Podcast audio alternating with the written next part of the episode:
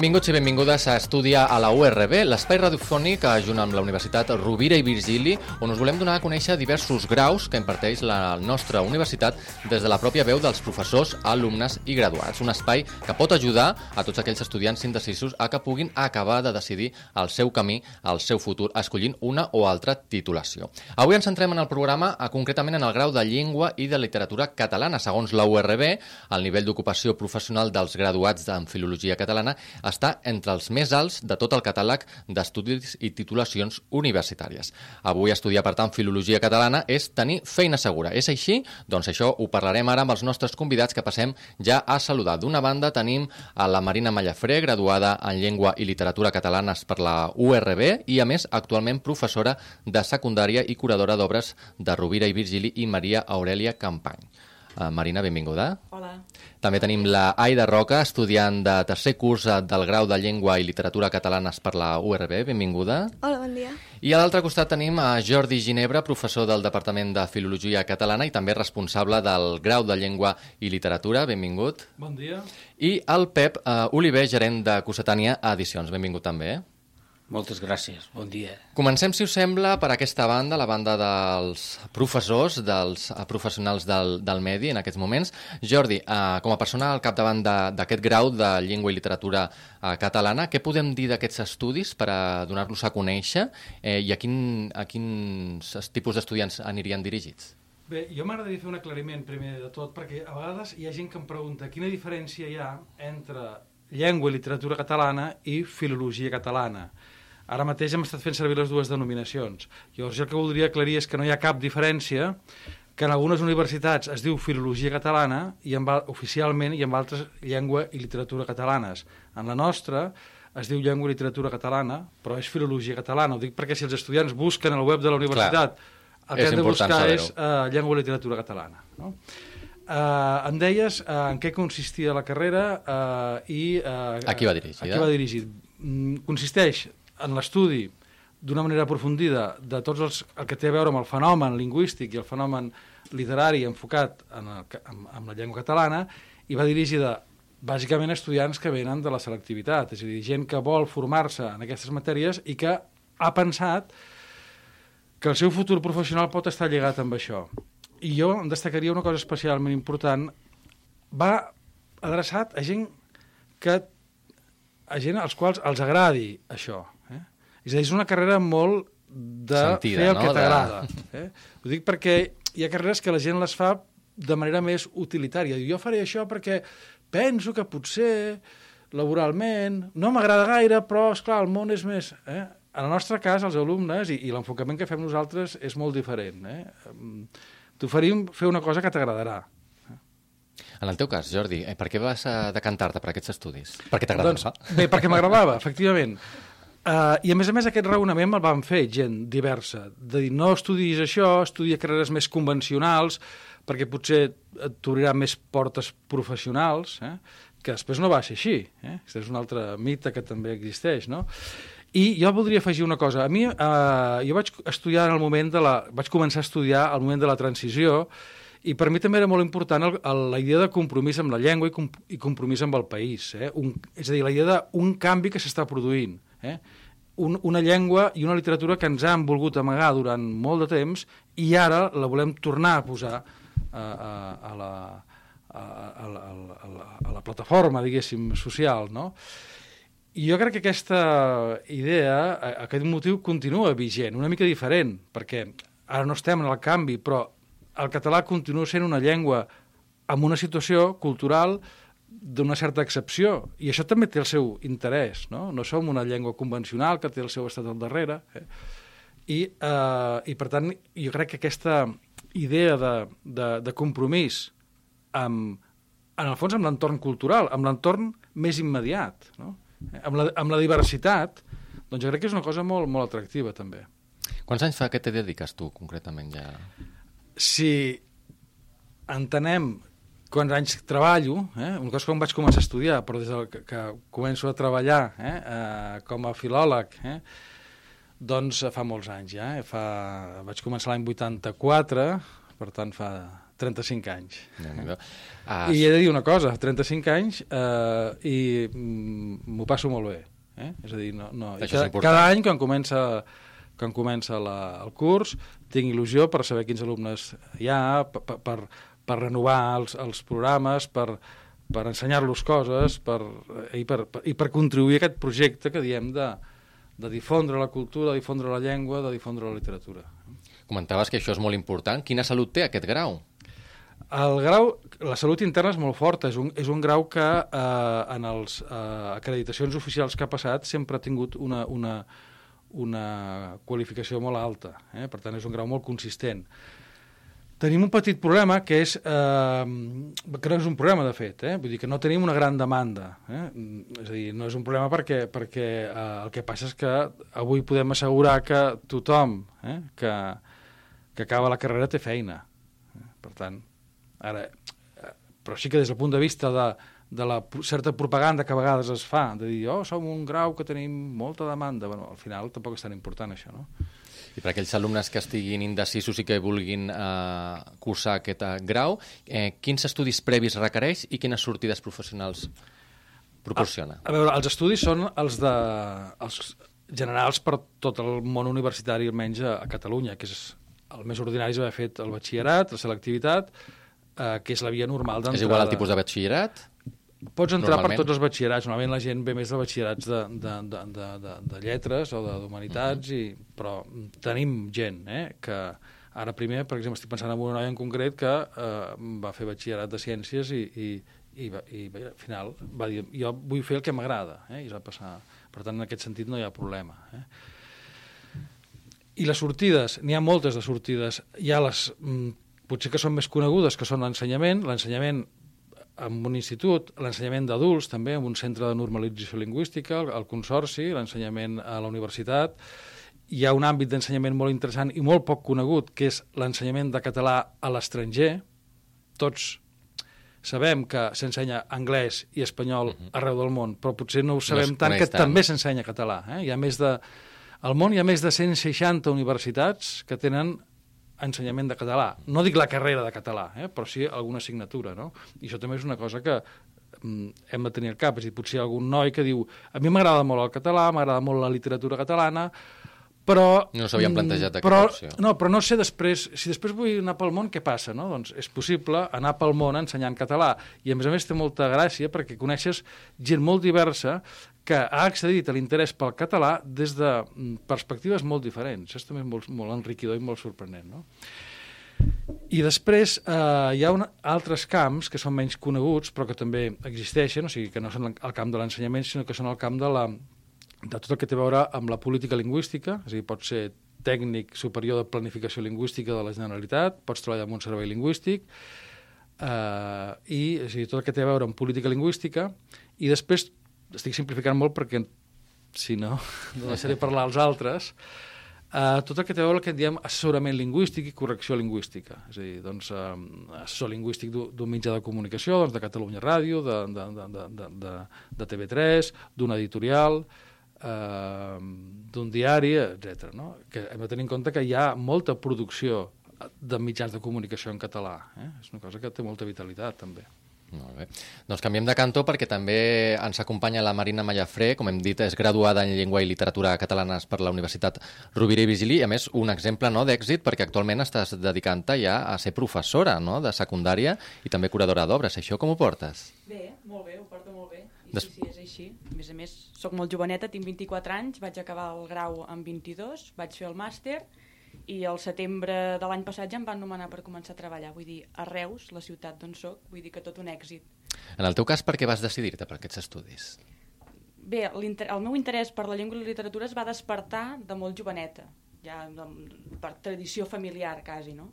El que passa és que jo des d'aquí el que vull dir és que a vegades hem de tenir vocació per unes coses però no cal que se'ns desperti en un moment molt d'infantesa, sinó que a mesura que estem a l'institut se'ns poden despertar uns interessos i hem d'estar preparats per rebre allò que és que el, que el que ens agrada. No? I ara a secundària tinc alumnes que em diuen ostres, m'agrada molt la literatura. Dic, doncs escolta'm, és una opció.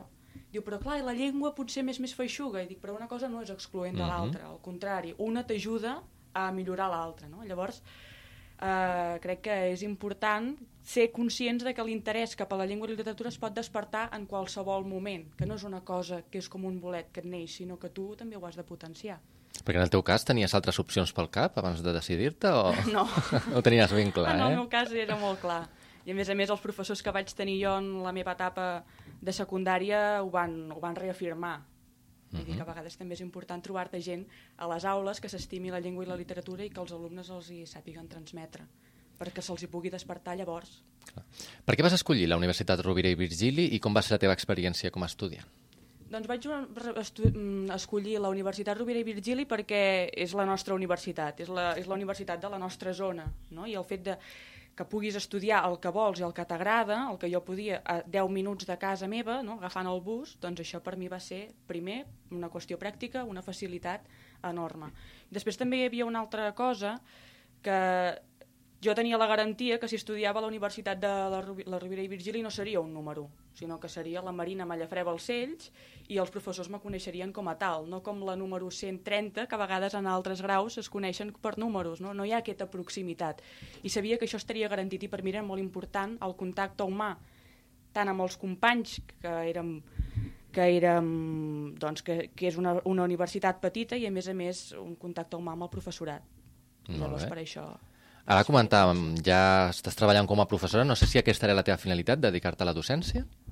Uh, crec que la finalitat no, no es pot establir ja just acabar la carrera perquè, o el grau perquè es poden obrir moltes altres coses. No? L'ensenyament per mi no era una finalitat, sinó que és una de les altres opcions que tinc pensades fer i que m'ha proporcionat estudiar aquests estudis. L'ensenyament ara estic en una etapa que em ve molt de gust fer, però no, no tanco portes i després doncs, puc, puc decantar-me cap a altres àmbits que també m'ofereix haver estudiat el grau, no? correcció, eh, edició de textos, eh, m'interessa molt també la teoria literària, coses que a partir d'haver fet filologia catalana puc anar obrint el meu ventall. Ensenyament és una d'aquestes possibilitats. I com vius això d'haver adquirit uns coneixements i ara tu proporcionar als, als, als, alumnes actuals que tu tens? Què és el més enriquidor Doncs de tot és, plegat? és molt apassionant i a més a més va passar una cosa molt curiosa que el primer institut que és on estic treballant ara, on em van nomenar, és on vaig jo estudiar. Ah, mira. I llavors ha sigut molt interessant veure La els doble, dos no? punts de vista, no? Em veig allí i els hi dic, és que fa uns dies estava, uns dies, ja uns anys, En el no? vostre Però lloc. estava asseguda aquí, on ets tu assegut. I ara us veig des de l'altre costat, no? I això és molt enriquidor perquè, clar, veu, els entens més amb ells i també puc entendre més aquells professors que estaven al lloc que jo abans mirava, no? I, i bé, és, és, és apassionant poder transmetre, poder transmetre aquests coneixements i que n'hi hagi que, que els cridi l'atenció i que s'interessin per allò que tu els expliques, allò que a tu t'agrada. Molt bé. I saludem també la l'Aida Roca, estudiant en aquests moments de tercer curs del grau de Llengua i Literatura Catalanes de la URB. En el teu cas, per què et vas decidir per aquests estudis? Uh, doncs bé, jo en realitat estava entre diversos estudis i doncs no ho sé, per diversos motius m'agradava, en principi m'agradava més aviat la literatura, hi havia aquell, aquell petit somni d'algun dia m'agradaria ser escriptora, que ara ja no és el cas, però doncs bé, em van explicar que filologia catalana potser era la carrera que m'encaminaria més cap a aquest objectiu i doncs i vaig, vaig decantar-me per aquests estudis i a més mm, per altra banda m'interessava la literatura però també mm, em cridava molt l'atenció la llengua i sempre havia tingut una mena de no sé, m'agradava veure les coses ben escrites mm, mm, Ben cuidades, ben... Ah, exacte, com sí. toca, no? Allò, allò que m'havien explicat que era correcte. No sé, era les, de les típiques persones que, ah, això no es diu així. I doncs, ah, doncs allí doncs vaig trobar un conjunt de gent que potser també havia, o sigui, era, tenia aquests mateixos objectius i doncs vaig descobrir un món quan vaig arribar a la URB i a més vaig descobrir que potser la literatura que m'havia pensat que m'agradava tant, doncs potser no m'agradava tant com la, com la llengua, que potser a l'institut no te l'ensenyen de forma completa tal com és i a, i a la universitat doncs això descobreixes que és, és un món increïble i que té molt de, molt de poder la llengua sola. Per tant, eh, tu tenies l'objectiu de ser escriptora, però després, a mesura que has anat cursant els, els estudis t'has acabat de, de cantar més per la llengua. Sí, exacte. Però no treu el fet de que puguis també ser escriptora. Sí, per clar, seguir però, el... però bueno, ja ho he, ho he deixat com una mena de hobby, perquè penso que al final uh -huh. això d'escriure i d'expressar-se amb les paraules no és una cosa que hagi de ser exclusiu dels filòlegs, ho pot fer qualsevol persona que, que li agradi, vaja. En el teu cas, per què vas escollir la Universitat Rovira i Virgili? Doncs una mica pel mateix que la Marina, perquè és, és la nostra universitat, la que tenim més a prop, i si pots estudiar a Tarragona, en el meu cas jo sóc de Pallaresos, i també tinc la universitat a 10 minuts, 20 en bus al costat de casa, doncs no, no hi ha necessitat d'anar fins, a, fins a Barcelona o fins on sigui.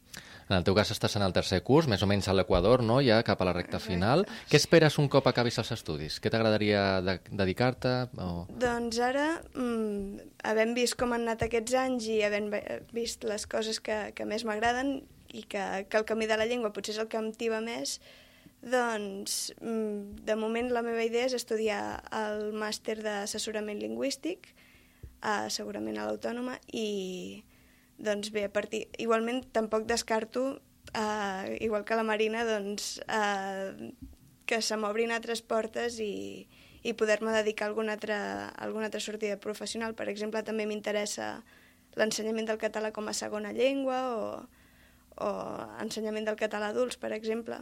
Els, els nens adolescents em fan una mica més de por. Però... Clar, el ventall de possibilitats és ampli, per això també volem parlar amb el Pep Oliver, gerent de Cossetania Edicions, eh, que és precisament una de les sortides, no? Les editorials, a tot el que és llengua, literatura, és com la, la casa que ho enmarca tot. Pep? Sí, eh, la veritat és que jo diria que el que és la llengua i la literatura, eh, la sortida allò que pot provocar que hi hagi sol·licituds amb un determinat perfil, doncs és el que és la correcció, no? Però, per altra banda, no hauríem de deixar de tindre en compte que el món editorial, o sigui, el que és la gestió editorial, es regeix eh, per diverses procedències professionals, eh? la veritat és, la gent que estem al capdavant de Cossetània, doncs jo vaig fer geografia i, i, i, i l'altra persona ve del món del periodisme, no? Però miressis en el món editorial les procedències són molt diverses i, per tant, el que és l'acció de gestió editorial, doncs també hi trobaríem molta gent que ve de, de la llengua i literatura, eh? també hi trobaríem. O sigui, diríem que són aqu aquests dos camps, un és el que és la, la correcció, el corregir textos, hm? La veritat és que nosaltres a Cossetània des del primer moment hem donat molta, molta importància i molt de protagonisme a, les gent, a la gent procedents de, dels graus de llengua i literatura o filologia. Eh?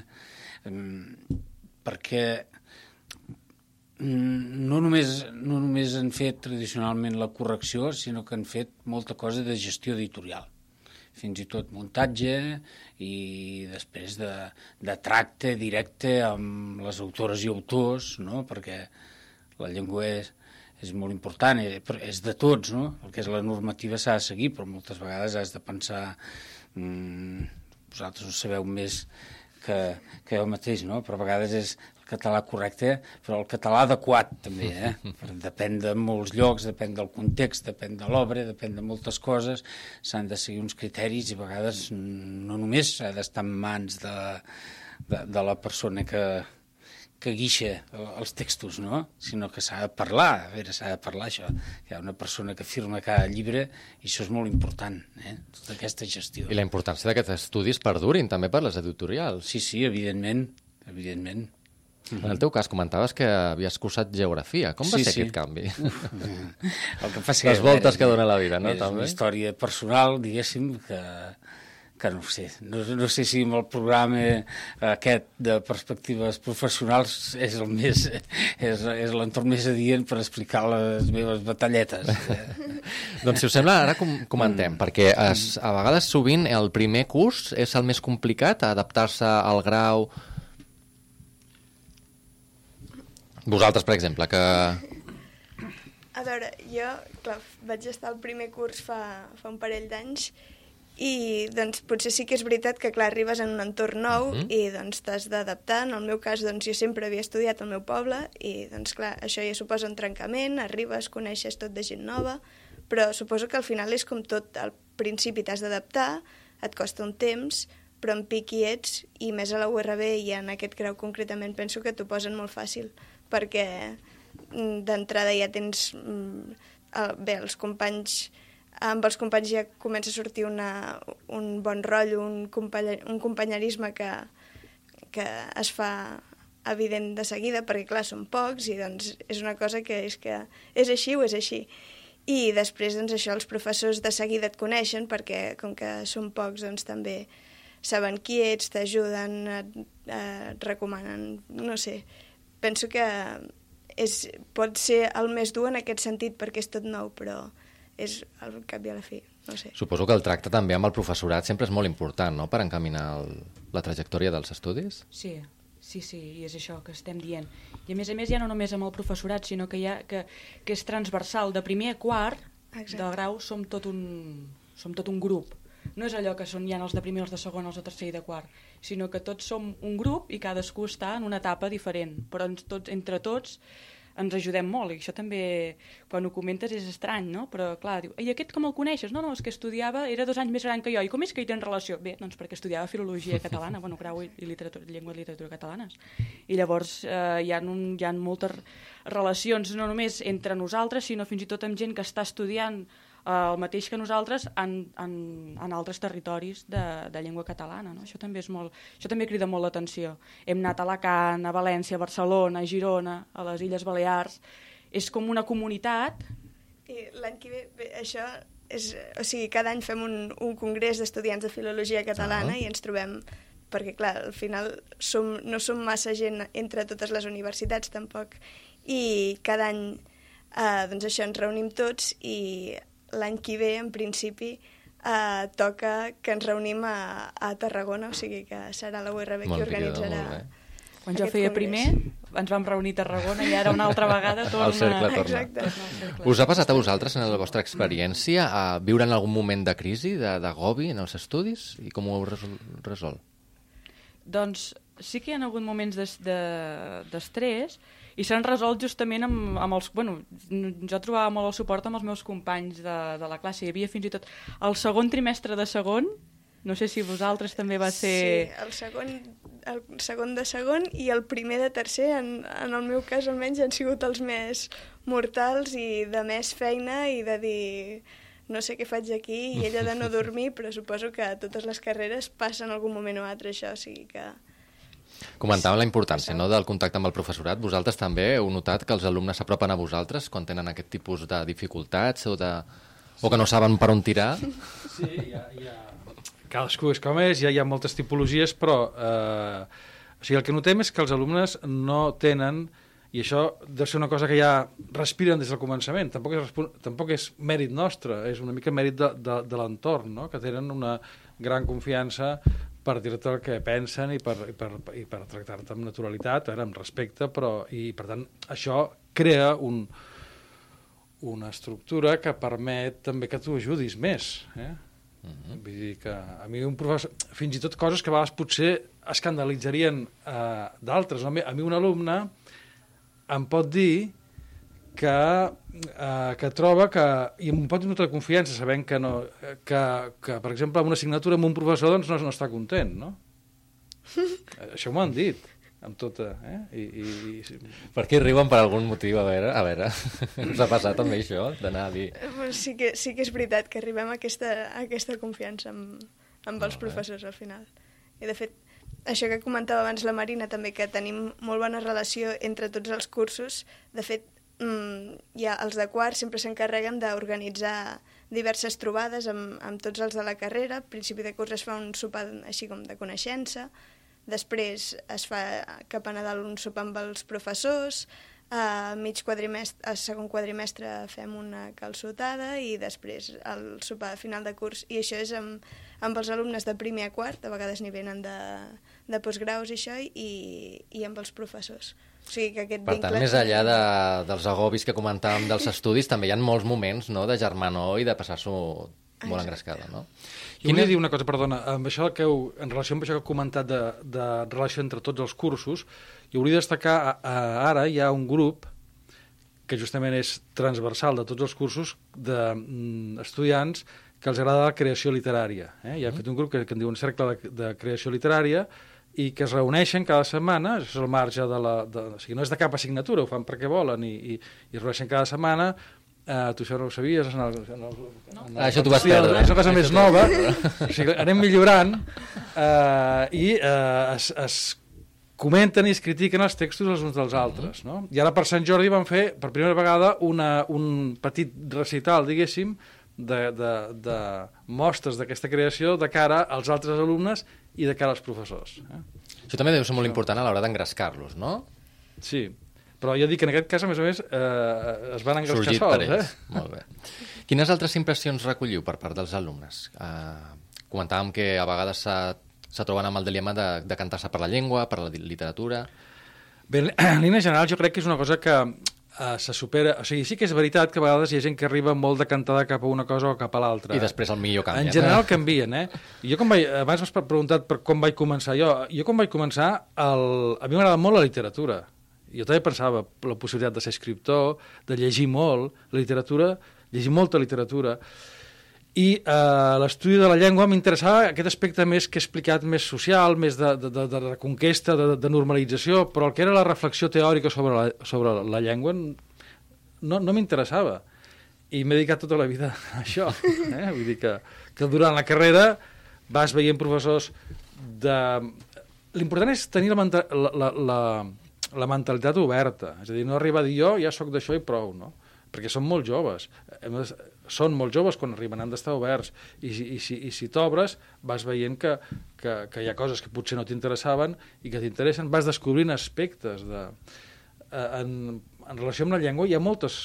Una cosa és la normativa, com hem d'escriure, l'altra cosa és eh, per què ens serveix la, eh, què fem amb la llengua, per què ens serveix la llengua, com, com tenim com la llengua expressa relacions de poder. És dir, hi ha molts aspectes que quan potser fas segon de batxillerat no et pots imaginar i que després descobreixes. I amb la literatura el mateix. Eh? Mm -hmm. Un cop acabes la carrera ja tenim la sortida professional o hi ha altres tipus d'estudis complementaris, com per exemple l'Aida que comentava de fer un màster?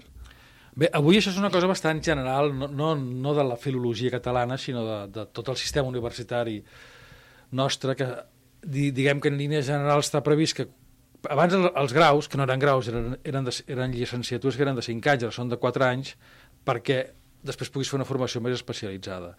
I, eh, i efectivament això existeix.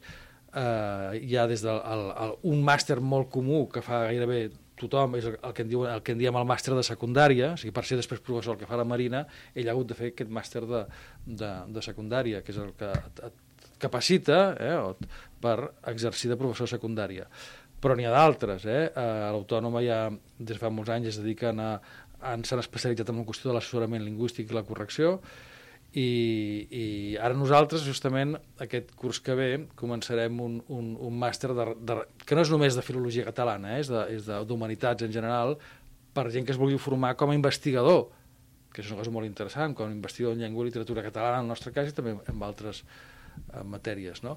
I una cosa que abans parlant amb la Marina, quan, que crec que és important tenir al cap. Un màster és un, un instrument mhm. -huh. de professionalització, és evident, no? Però també és un instrument de, per continuar formant-te i, i perquè se't continuïn obrint eh, perspectives al món. Eh? I en el fons, en el fons una persona més formada, això crec que és molt important tenir-ho al cap, no, no solament és una persona que pot treballar amb més coses, sinó que jo crec que una persona més formada és una persona que que s'ho passa més bé a la vida. És, té, té capacitat de, de, de, de, de, de, de si se'm permet un, un castellanisme, no? Té més capacitat de disfrutar de les, de, de, de, de, de, de, de les coses, no? De, de, de, de, de, a l'hora d'enfocar de, de, la cultura, enfocar doncs, no sé, un programa de televisió, un programa de ràdio, una conversa, és a dir, tens, tens molts més recursos. Eh? Ho recomaneu també als estudiants? Suposo que cada un és un món, no? segons el que es vulgui dedicar, que s'especialitzen en una cosa concreta o no. Nosaltres, mm, tret de gent que realment té una idea molt, molt, molt clara, el que es recomanem més aviat és que una mica en la línia que hi ha la Marina, que, que no es tanquin eh, i que pensin que, que, eh, que totes aquestes diverses possibilitats professionals són interessants i que pot ser que, mm, que vagin fent una i després una altra al llarg de la vida. És a dir, tampoc, jo crec que aquesta perspectiva que, que, que, que donava la Marina és molt interessant. És a dir, jo no, no acabo i sóc professor. Potser sí, I potser faràs de professor tota la vida i estaràs encantat. Jo he treballat, jo personalment sempre he treballat de la mateixa cosa. I m'ha anat bé, estic content. Eh?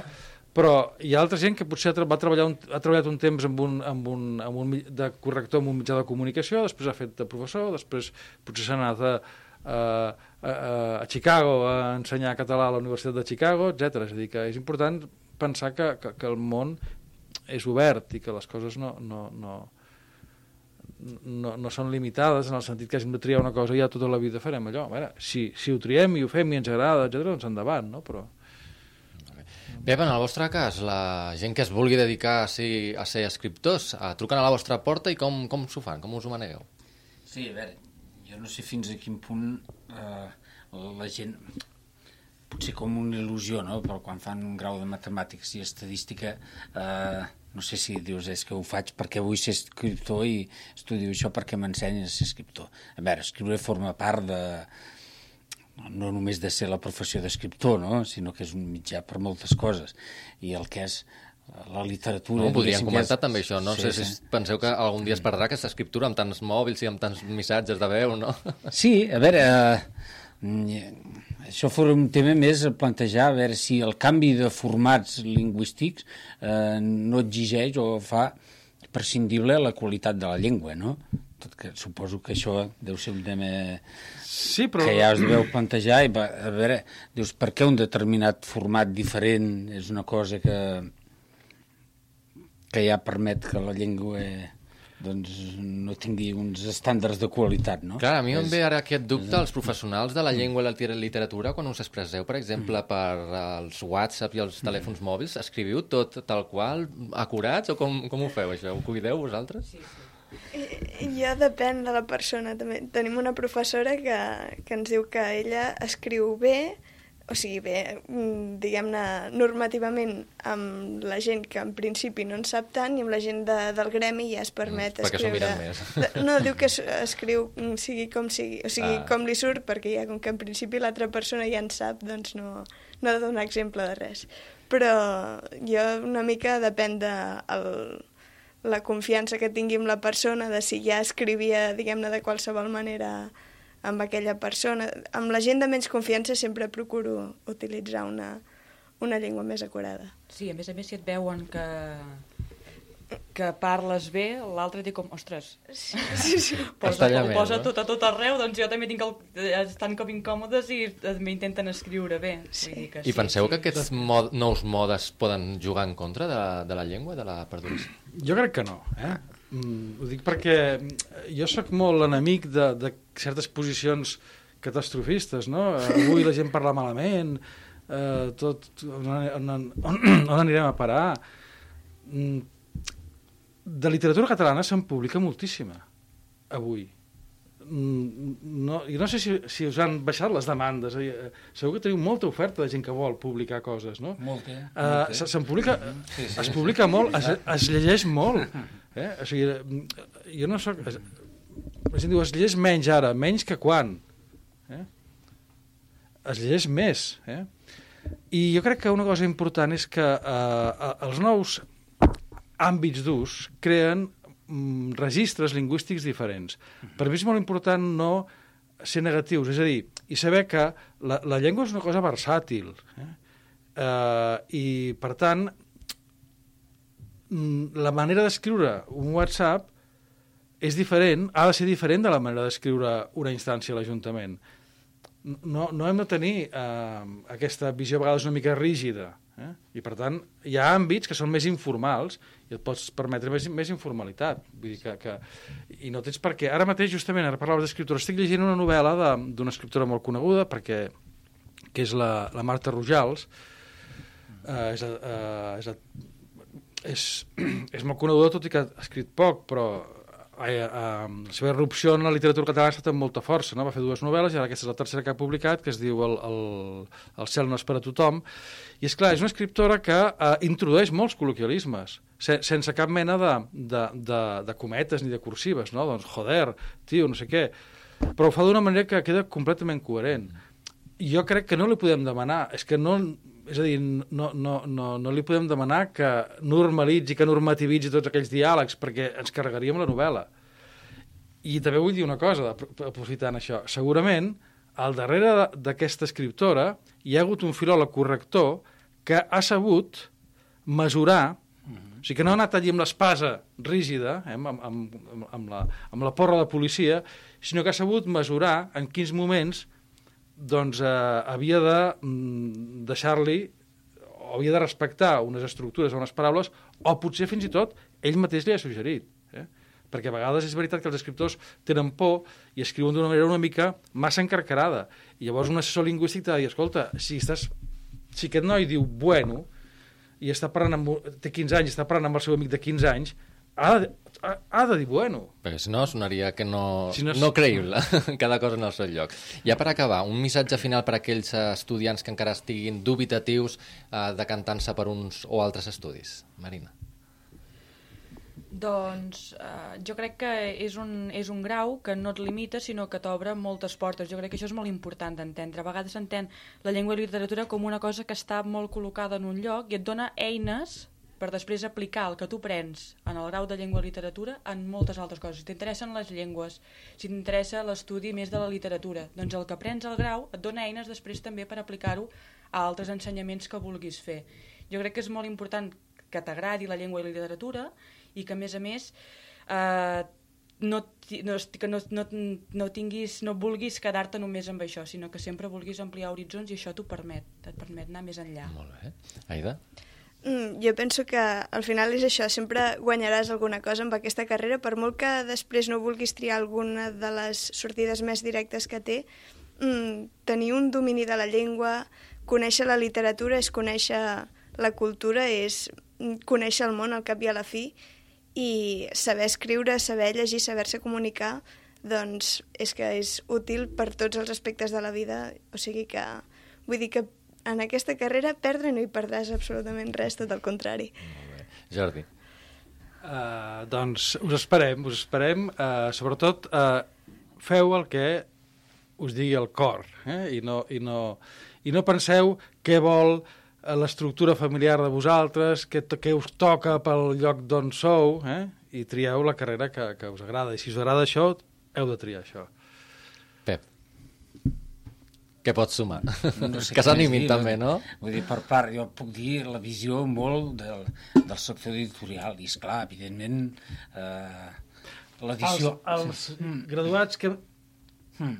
per la URB que han fet feina per vosaltres, És, és, esteu és, contents? És que, és que jo, havia de, jo volia afegir el que han dit, el que han dit l'Aina i la Marina, perquè deien que havien triat la Universitat eh, Rovira i Virgili perquè és la pròxima i la nostra, no? I encara hi afegiria perquè té un, nivell altíssim i reconegut a tot arreu, no? I això, això des del món editorial en puc donar constància. Amb la Universitat Rovira i Virgili, amb, amb, amb la facultat del Jordi hem fet moltes coses conjuntes i tot això, però ho sabem perquè ens movem, hem fet coses amb altres universitats i sabem de, del nivellàs que té la, que té la Rovira i Virgili amb llengua i literatura. Eh? Molt bé. Doncs només afegir per als nostres uh, oients i espectadors i tots aquells estudiants que estiguin dubitatius, com comentàvem, que trobaran més informació sobre tot el, el graduat de Llengua i Literatura Catalanes a la pàgina web www.urb.cat. Nosaltres agraïm que ens hagueu acompanyat a Jordi Ginebra, Aida Roca, Marina Mallafré i Pep Oliver. Gràcies per haver-nos donat més detalls sobre aquest grau i per les vostres experiències i a vosaltres, els de casa, també. Fins la propera.